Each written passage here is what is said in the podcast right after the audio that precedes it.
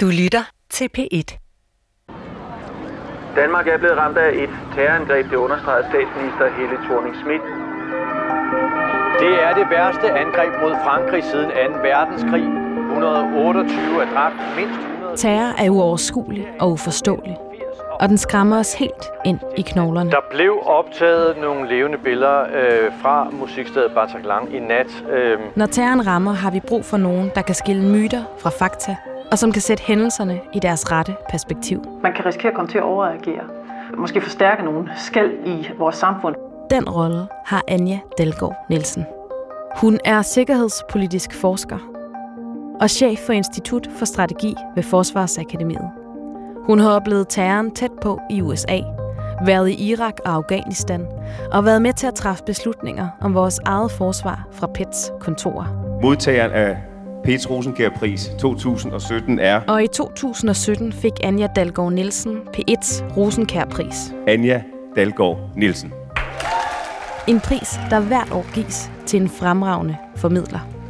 Med prisen følger muligheden for at lave en radioserie om forskerens emne. I den her programserie skal vi se nærmere på nogle af de dilemmaer, der opstår, når vi som demokratisk samfund bekæmper terrorisme.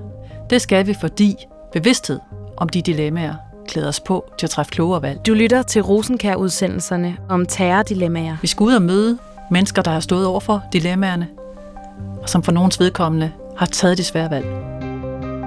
Velkommen til første program om bøvlede problemer og om dilemmaerne ved brug af militære midler i krigen mod terror.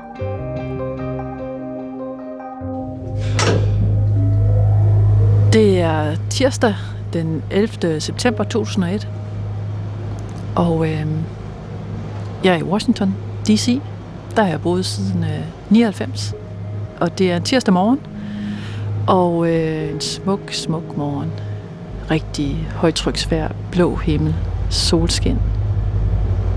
Og, øh, og jeg er stået op og har øh, gjort mig klar til at gå ned til, øh, til SAIS, øh, School of Advanced International Studies. Og øh, jeg tager elevatoren ned fra min, øh, fra min lejlighed og går ud øh, forbi øh, frontdesk i min apartment building, og der sidder en, øh, en ældre dame, som administrerer stedet. Hun ligner sådan lidt et, et, et fortidslevn, sådan en med fuldstændig øh, lak, stift øh, hår, og så et øh, uendeligt øh, tilsynende mængde af, af spacerdragter. Og hun sidder øh, og ser på et fjernsyn. Hun plejer at være meget sød og, og hilse og, og være så nærværende, men, men, men hun er helt opslugt af det, hun ser på skærmen, der går forbi. Øh, og, og ser ud af øjenkrogen det her sort-hvide billede øh, af nogle tårne og et fly. Øh, og tænker, at hun må se en film. Så jeg fortsætter ud i, øh, i solskinnet og drejer ned af, af California Street øh, og går, går ned mod DuPont Circle.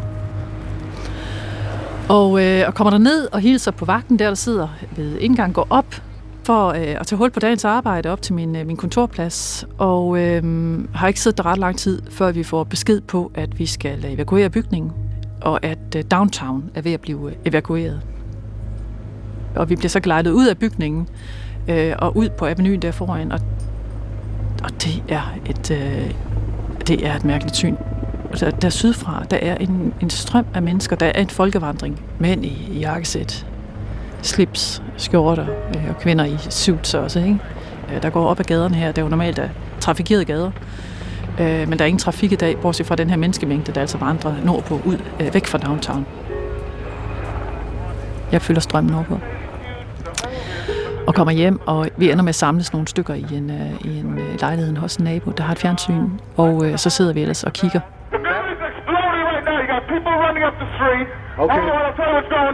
Okay, just uh, put, put Winston on pause there for just a moment. Okay, while the he- whole building just exploded some more. The whole top part. Og der er det, der rammer mig. Hvad er det for nogle mennesker? Hvad er det for nogle mennesker, der kabrer civile fly og flyver dem ind i civile bygninger? Hvad skete der? Ind i hans hoved, hvad tænkte han? Og hvad kan få noget menneske til at, at gøre det, han gjorde? Og det bliver jo så faktisk nogle af de spørgsmål, som jeg også senere øh, forskningsmæssigt kommer til at, at beskæftige mig med.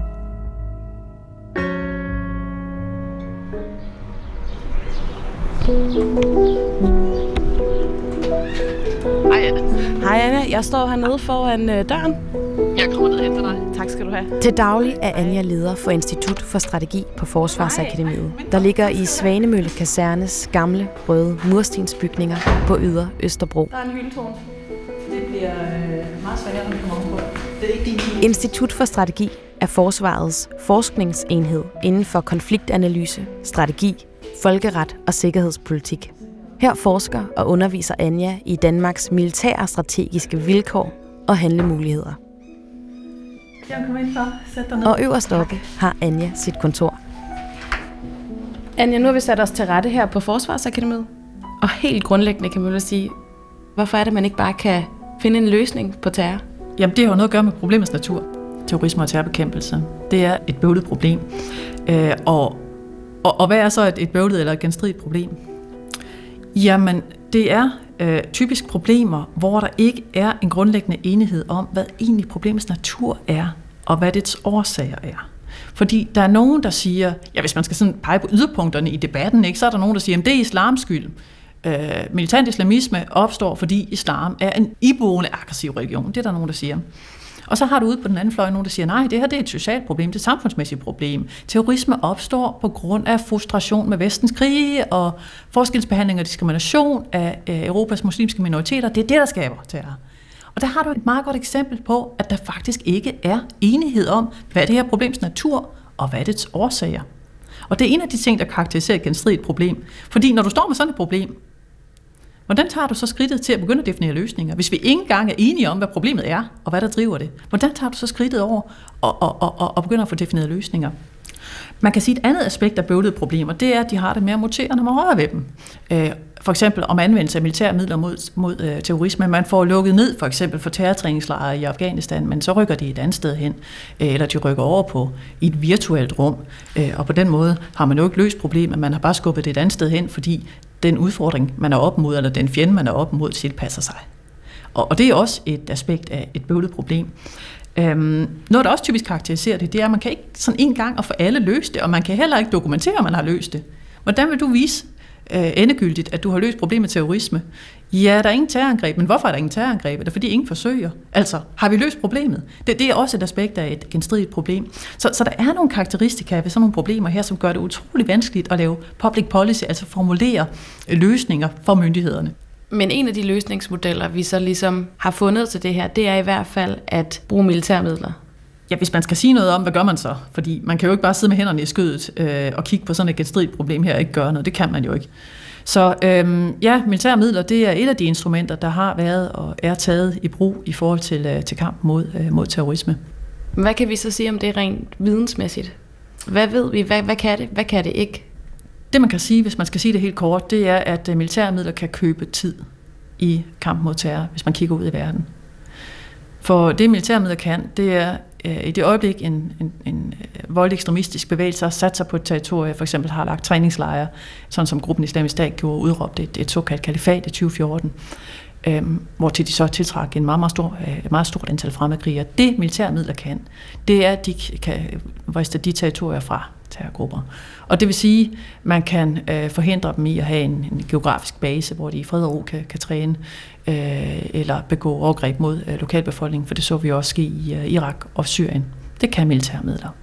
Men på en måde så køber man kun tid, fordi de grundlæggende årsager til, at øh, gruppen Islamisk Stat, for nu at tage den som eksempel, har kunnet rekruttere, ja, det er jo sådan set nogle øh, ting, som har været øh, i spil og på spil længe. I Irak øh, har det noget at gøre med, at for eksempel øh, Sunni-minoriteten ikke i tilstrækkelig grad er inkluderet i den shia-dominerede regering. Og øh, så lang tid man ikke ligesom får fat om, øh, om, om rødderne, ja, så har problemet det med at genopstå. Så militære midler kan købe tid, og den tid, man så køber, når man får fraværsted en, en terrorgruppe, øh, øh kontrol over et territorium, den skal jo så meget gerne bruges øh, til at lave genopbygningsindsats, forsoningsprocesser, diplomatisk arbejde, sådan at man får en, en, en mere stabil politisk situation, hvor der ikke er så stort rekrutteringspotentiale, fordi en væsentlig gruppe føler sig udelukket fra øh, magten. Vi optager. Og så kan du så Vi ringer til professor Martha Crenshaw, der er en af Anjas tidligere kollegaer fra Stanford University.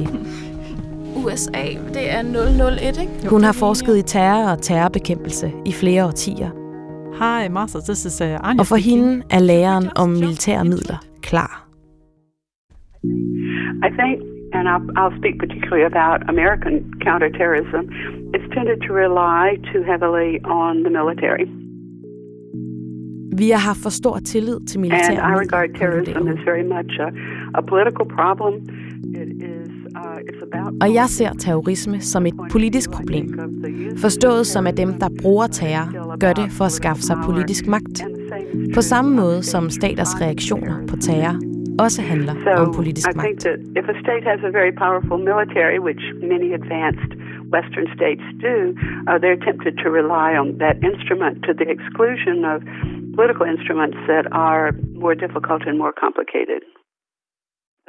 Jeg tror, at hvis en stat har et magtfuldt militær, så fristes man til at bruge det instrument frem for politiske instrumenter. I know you know well, terrorism in many parts of the world is rooted in socioeconomic. Og som du ved, Anja, fortsætter Martha, så er terror forankret i socioøkonomiske omstændigheder, som er ekstremt svære at løse. So you have the hard problem of terrorism on top of even harder problems of growth and development and Så har du det bøvlede problem med terrorisme, oven på endnu sværere problemer med at skabe udvikling og vækst og stoppe korruption, ofte i fejlslagende stater. uh, governments know how to deploy the militaries. They know how to deploy drones. Uh, they know how to bomb from the air. They know how to. Også fordi, at de vestlige regeringer siden 11. september har fået mere træning i at bruge militæret, i hvordan man bruger droner og bomber og sender specialstyrker ind. Hvorimod den politiske side er svær. I think just looking at the American military, there are a lot of people in the American military who recognize full well Heldigvis er der en masse folk i det amerikanske militær, der fuldt ud anerkender, at der må være et bredere svar end kun et militært, fortsætter Martha. Og jeg tror, at vestlige regeringer skal blive bedre til at forklare deres befolkninger, hvorfor militære magtdemonstrationer i sig selv ikke fungerer særlig godt, og at en mindre dramatisk reaktion på terror kan være meget mere effektiv. Små forbedringer i udviklingen af de her lande gør det måske svært at vise, at man gør fremskridt, men det er dem, der har størst chance for succes på længere sigt, slutter Martha. It's not going to be a huge success like driving ISIS out of Raqqa, but that these sort of smaller, less visible measures might have more chance of long-term success. Martha, thank you so much for your time. Oh, it was my pleasure, Anya. It was nice talking to you and saving your time. okay, let's talk again sometime. Yeah, bye-bye. We do. Bye.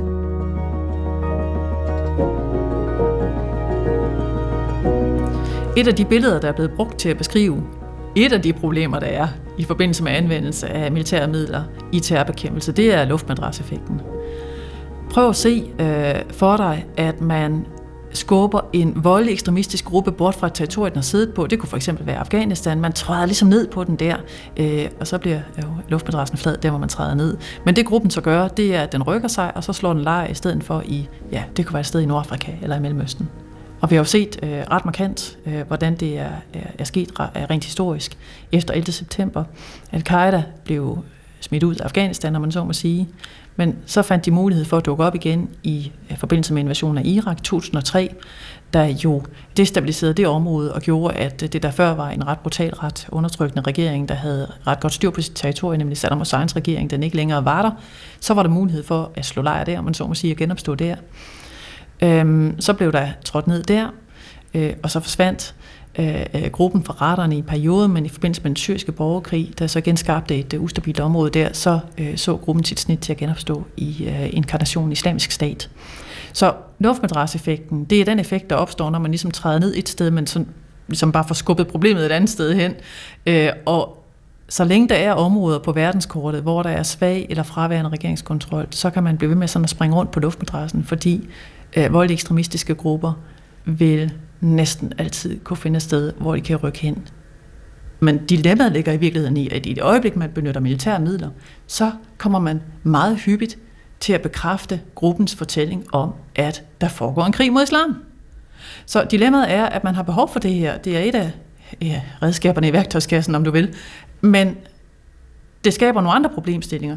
For eksempel, det bliver ret let for de her grupper at, at anvende de her krige i deres propaganda, i deres rekruttering. En af dem, der selv har oplevet, hvordan krigen i Afghanistan opfattes af dem, der lever der, men også hvordan konflikten bruges af de militante islamistiske grupper, er journalist, forfatter og dokumentarinstruktør Najib Kaya. Og han tager imod os på sit kontor på Islands Brygge. Kan du sige noget generelt om, hvordan øh, lokalbefolkninger, de steder, hvor du har været, opfatter den vestlige militære tilstedeværelse eller vestlige militære indsats øh, i deres områder, i deres lande? Øh, I bedste fald fra et vestligt perspektiv, jamen, så, så føler de, at det er nogle udefrakommende, som overhovedet ikke aner, hvad de laver i deres områder. Og øh, de føler sig som en lus mellem to negle. Og øh, de føler, at det er en eller anden krig, der ikke handler om dem i nogle af de her øh, landsbyområder. Det er helt specifikt de områder, jeg taler om. Øh, og i værste fald, jamen, så ser de de vestlige styrker som, øh, som, udlands, som en udlandsk besættelsesmagt, som er kommet dertil for at tjene deres egen dagsorden. Om det så er økonomisk eller religiøst, fordi de, der er nogen, der opfatter det som et korstog, øh, den vestlige tilstedeværelse. Er der forskel på hovedsteder og landsbyer?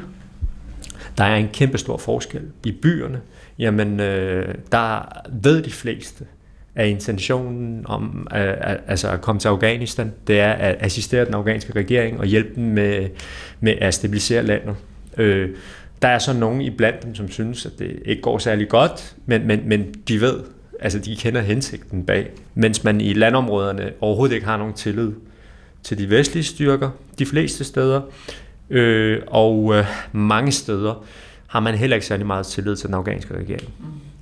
Hvor stor genklang vinder så øh, militante islamistiske grupper, som for eksempel Taliban eller nu senest IS i Afghanistan, hvor stor genklang vinder deres fortælling om verden i lokalbefolkningen?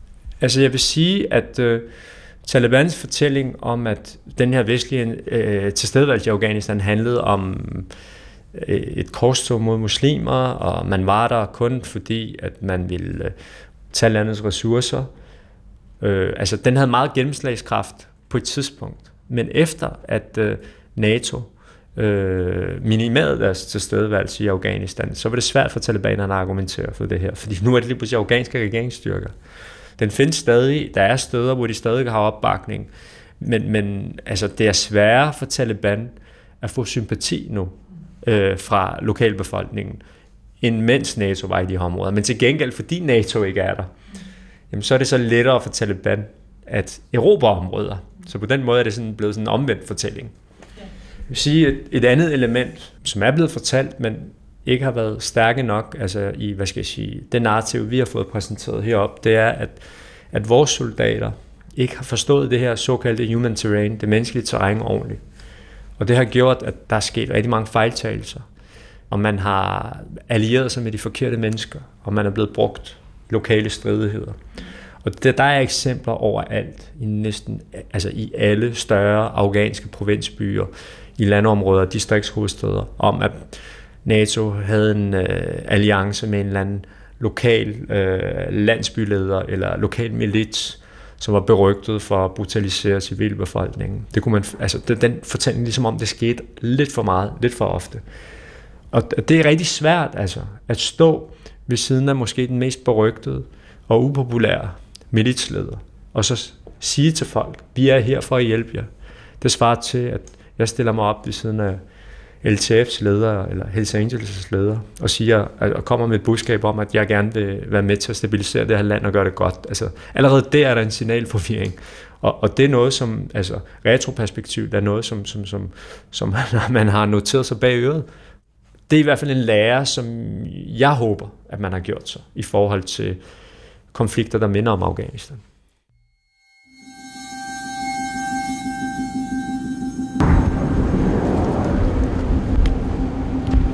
Det er øh, april måned 2006, og øh, jeg befinder mig på øh, Shaiba Lock Base. Det er en britisk base, en stor base uden for Basra, i det sydlige Irak. Der er borgerkrig. Jeg er ansat som forsker ved øh, Dansk Institut for Internationale øh, Studier, og jeg forsker i, i terrorisme og terrorbekæmpelse, herunder hvad man kan hvad man ikke kan med militære midler. Og øh, basen er jo hegnet ind af, ja, det, man, det kaldes Escobastian. Det er sådan nogle kæmpe store trådnet fyldt med sand, som, øh, som beskytter øh, lejren mod direkte beskydning. Lydkulissen er jo konstant larm fra helikopter, der kommer og, og går. En af de aftener, jeg husker allerbedst, det var øh, den aften, hvor vi i skumringen stiller op ude på øh, den store plads, hvor flaget står. Øh, og det gør vi til ære for en britisk soldat, der er blevet dræbt i et vejsidebombeangreb. Han kørte med en dansk-britisk patrulje. Og, øh, og vi står der i øh, skumringen, og, og commander han siger nogle, øh, nogle ord om den faldende. Og uden for, for lejren, der er et lille område, hvor man øh, kan danne sig et indtryk af, hvad det er for en kraft, som øh, de her vejsidebomber har. Der står en lille samling forredende køretøjer.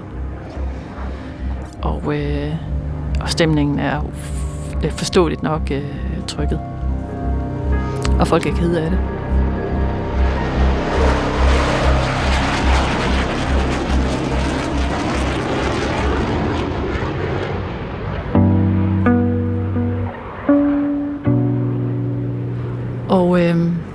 Næste dag går livet videre. Og der er igen patruljer, der kører ud for at løse de opgaver, de nu skal løse. Og øh, jeg forestiller mig, at den commander, den chef, som står her med øh, ansvaret for knap 500 unge soldater, dagligt må stå med nogle svære valg. For på den ene side, så skal de soldater jo ud. Det gør de jo ingen forskel. Og hvis man lader dem køre ud i relativt små patruljer, så kan de komme flere steder hen, de kan tale med flere mennesker, de kan eskortere flere civile rådgivere. Men jo mindre patruljer man sender dem ud, jo mindre enheder de bevæger sig rundt i, og jo flere steder de er, og jo mere de er ude, jo større er risikoen jo også for, at de kommer til skade. Så hvordan rammer man den rigtige balance mellem at gøre nok til, at man faktisk bidrager til, at den overordnede opgave, den bevæger sig fremad på den anden side, får alle de der øh, mennesker, som man har ansvaret for, med hjem igen. Så når man ikke alt for mange gange i løbet af sådan en udsendelse skal stå der på pladsen øh, i skumringen, mens flaget er på halv, og, og så skal man sende en, øh, en, en ung mand eller kvinde hjem i en uh, kiste. Jeg forestiller mig, at det er et rigtig svært valg.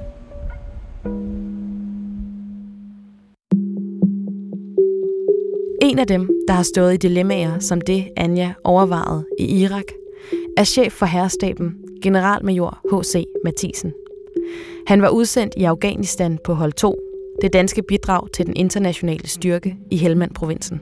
Han kom til Afghanistan midt i en transition af missionen, hvor man gik fra at være en specialoperation i terrorbekæmpelse til at være en stabiliseringsmission, der skulle udbrede den afghanske regeringskontrol til hele landet. Det er H.C.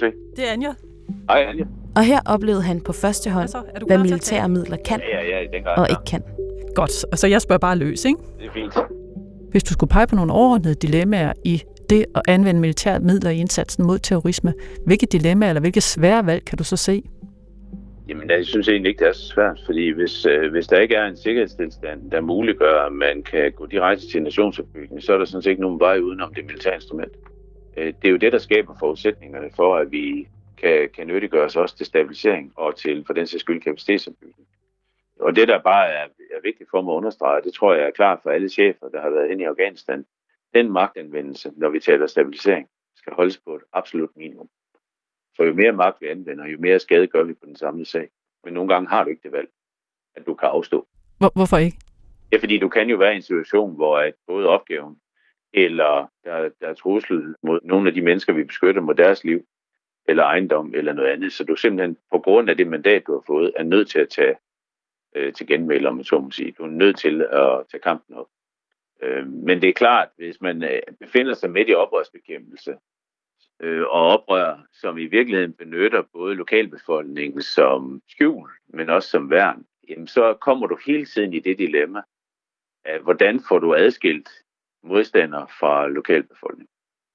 Øh, og, og det er jo en kolossal trussel, både for de lokale sikkerhedsstyrker, men i realiteten også for dem, der er for at hjælpe dem, nemlig her øh, NATO. Altså fordi det kan være svært at se, hvem der er samarbejdspartnere om dagen, og hvem der så er Taliban om natten. ja, eller i det hele taget, hvem der er modstander og hvem der ikke er modstander, når den eneste forskel, du i virkeligheden kan se, det er først på det tidspunkt, hvor vedkommende skyder på dig. Men der er også det lokale skøn, og eskadronchefen var flere gange udsat for et dilemma, hvor han i virkeligheden bliver taget under ild. For eksempel med morterer fra en uh, markedsplads i en nærliggende landsby, som de passerer i forbindelse med en større operation. Øh, hvor de jo så i virkeligheden helt legitimt kunne øh, tage til genmæld, om man så må sige, fordi de blev angrebet. Men de valgte at øh, undlade at skyde tilbage. Og det var helt åbenbart, at modstanderen spekulerede i, at der ville blive skudt tilbage, sådan at man i virkeligheden kunne risikere, at der ville være lokale tab i den pågældende landsby. Så i stedet for så valgte eskadronen, at det ikke var vigtigt for dem at være der, at unddrage sig den fjendtlige våbenvirkning ved simpelthen at køre væk. Og det er et eksempel på nogle af de dilemmaer, du kommer i. Ja. Øh, man er der for i virkeligheden at anvende hele tiden minimal magt. Øh, og det er sådan lidt paradoxalt, fordi øh, når vi selv omtaler både i her, men jeg tror sådan i samfundet i det hele taget, operationen i Afghanistan, så taler vi om krig. Det er også rigtigt, at for de soldater, der var involveret i mange kamphandlinger, der kan det ikke have haft karakter andet. Så kan det godt være, at det har været terrorbekæmpelse, oprørsbekæmpelse og andet. Men for dem har det jo været regulære kamphandlinger. Og, og, og så er det jo førens ansvar, at man anvender magt begrænset i tid og rum, så at vi igen ikke gør skade på den lidt større sag, og det formål, vi egentlig er der for. Nemlig at skabe et sikkert rum for, at nogle andre kan lave nationsopbygning. Er vi blevet sikre i Danmark af at være til stede i Afghanistan og Irak? Det ved jeg simpelthen ikke.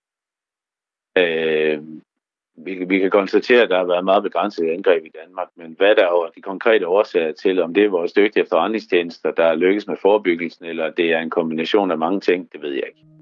Øh, men du er helt tiden nødt til at vurdere, om den skade, du forvolder med den her militære operation, står den mål med det, du ønsker at opnå. Og hvad er det, du i virkeligheden kommunikerer, når du gennemfører den her operation? Hvornår ser du, at vi kan erklære sejr i, i citationstegn, krigen mod terror? Det synes jeg er meget svært at svare på. Altså, den dag, hvor vi øh, kan, kan færdes frit og uden frygt for, for terrorangreb her i Danmark, men øh, indfinder den dag så nogensinde. Jeg tror, I er lige så gode til at svare på det spørgsmål, som jeg er. Så ja, ja det, det har jeg desværre ikke noget svar på. Nu har vi lige lagt på her efter at have talt med H.C. Øh, Mathisen. Altså, hvad har du bidt mærke i i løbet af interviewsene? Terrorisme rammer os på følelserne. Og det fremkalder en reaktion, som hedder, at vi må gøre noget. Og når man nu, sådan som de fleste vestlige lande, først og fremmest i USA, har en rigtig stor hammer i form af militæret, forsvaret, så er det fristende at bruge den. Men det er ikke altid det, der er mest effektivt, og det er i hvert fald ikke i sig selv tilstrækkeligt. Så synes jeg, vi kan se, at der er et øh, ret højt refleksionsniveau i forsvaret omkring, hvad det er for nogle dilemmaer og svære valg, hvad det er for nogle negative bivirkninger, der kan opstå, når man anvender militære midler. Man kan godt med militære midler fravriste en terrorgruppe et bestemt geografisk territorie, men man kan ikke løse de grundlæggende udfordringer, man kan købe tid. Og så skal der andre midler på banen. Øh, bistand til politiske reformer, bistand til at få en økonomisk udvikling øh, skubbet i gang. Pointen her er, at militære midler kan godt have deres berettigelse, men de løser ikke de grundlæggende problemer. Jeg hedder Anne Pilegaard Petersen, og i næste uge kan du høre om radikalisering. Om at finde balancen mellem at gribe ind for tidligt eller for sent.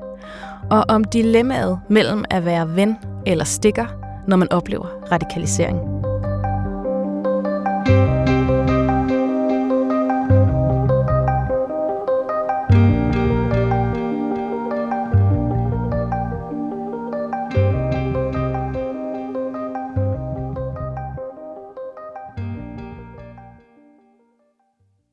Du kan høre flere P1-podcasts i DR's radio-app. Det giver mening.